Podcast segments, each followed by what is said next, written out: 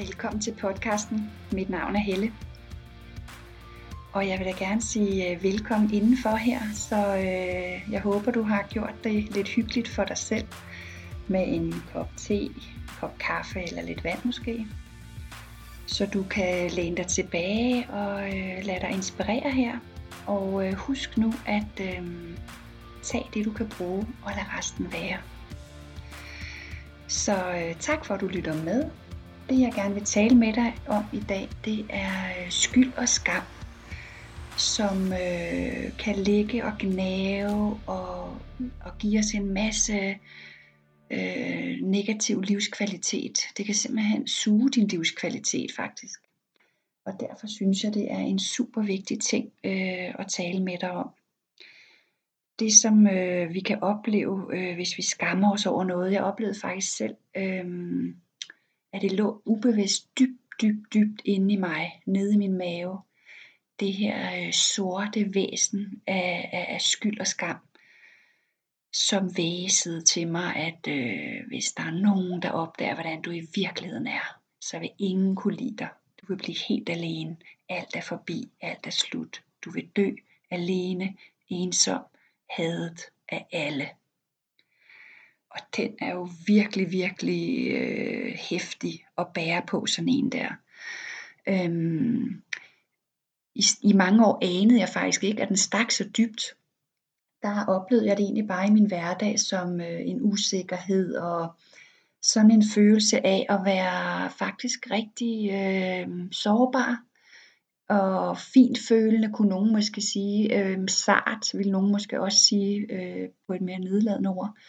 Men sådan en følelse af at meget hurtigt føle mig forkert, og meget hurtigt føle, at nu havde jeg ødelagt noget. Nu havde jeg gjort noget forkert. Nu var det min skyld, at alle ikke havde det godt.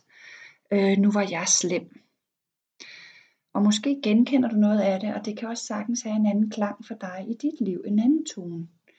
Øhm, men bare ved, at, at den her følelse at vi ødelægger noget, vi er til besvær, øhm, ja, en gang imellem kan den sådan også komme frem og sige, at det faktisk var bedre, hvis jeg slet ikke var her.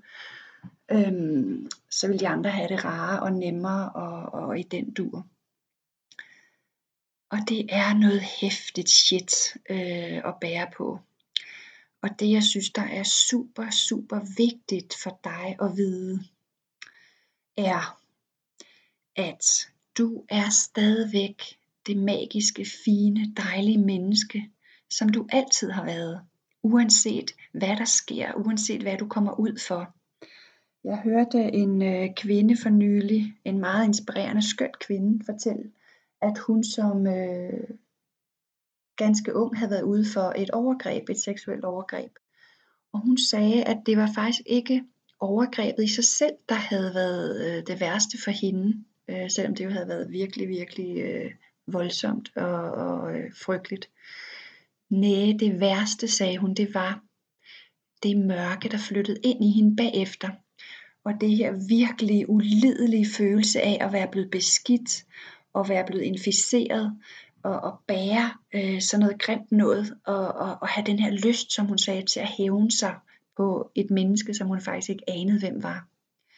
Alt det, der flyttede ind i hende bagefter, og gav hende så meget had og skam, og øh, tyngde at bære på i hendes liv, det havde været det værste.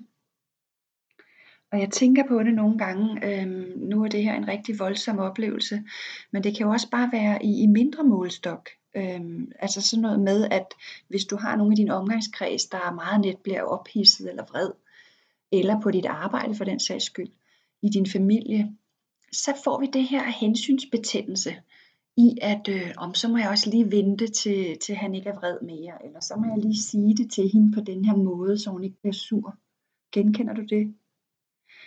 Og, og, og det der nemlig sker nogle gange er jo, at hvis du så øh, alligevel tillader dig, i anførselstegn, at bare være dig, og tale frit, og, og til de her mennesker, som kan være lidt øh, touchy og have et godt med temperament, så siger du måske, øh, der er møde lige om lidt, og så kommer der sådan et vredt svar på dit arbejde ja, kan du ikke se, jeg har pisse travlt, altså, hvordan har du tænkt dig, at jeg skal nå det?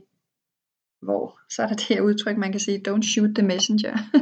men, men i virkeligheden kommer du jo bare ren i din intention, øh, du er på arbejde, du varetager dine opgaver og giver en besked.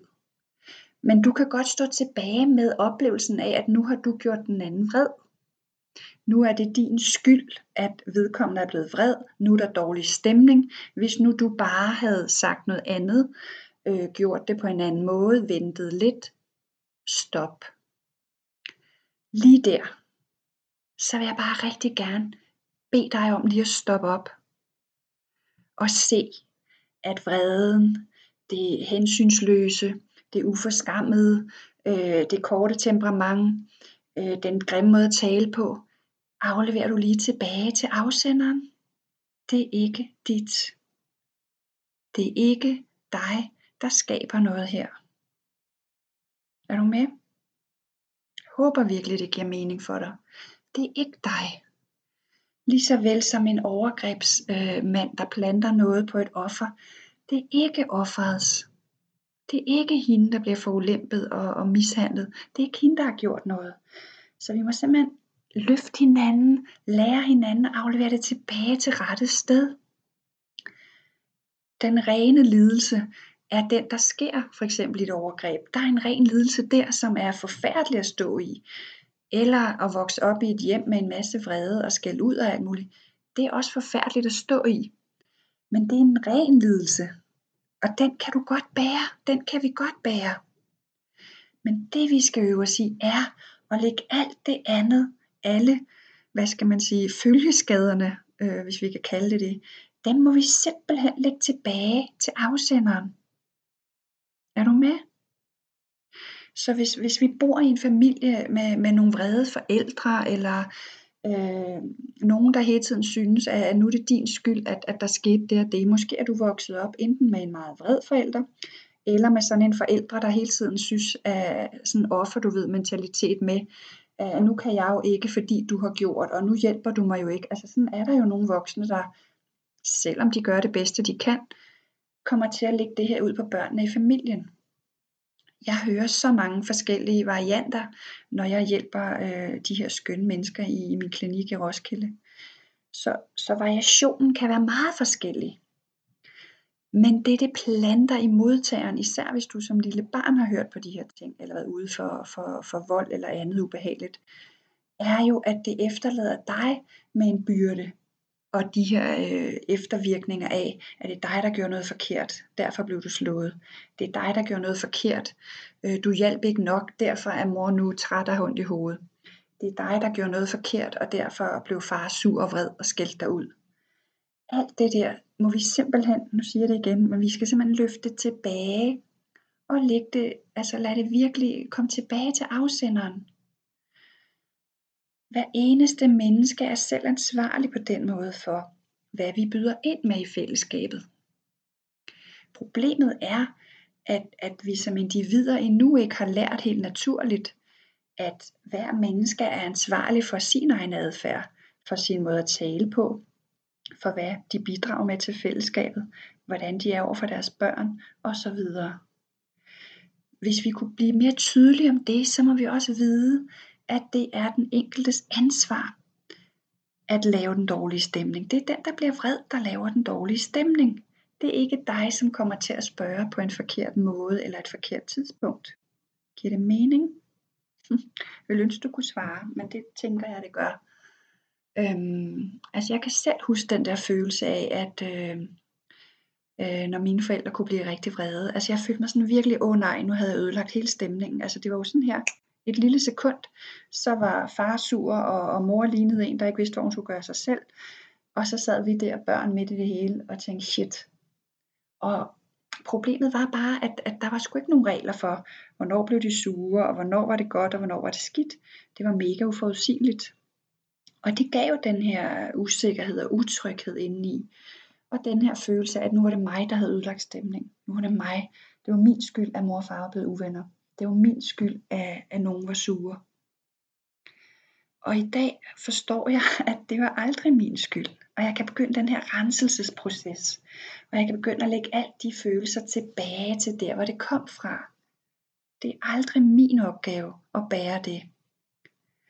Og når vi bærer det, der ikke er vores, så kommer alt det, som jeg kalder for den unødvendige smerte, den unødvendige lidelse. Og det er nemlig lige præcis de her eftervirkninger, de her tanker, der kører igen. Nu var det mig, og skulle jeg have gjort noget andet, og åh nej, nu blev der dårlig stemning, og nu blev min kollega sur, eller nu blev mit barn ked af det. Men hvis du har stået i en, en, øh, en ren energi i dig selv, og givet en besked, som du synes, du kan stå for, med nogle ord, du kan stå for, og som du synes er okay, så resten op til de andre. Så vi kunne lave den her renselse og simpelthen levere det tilbage til rette sted, tilbage til afsenderen.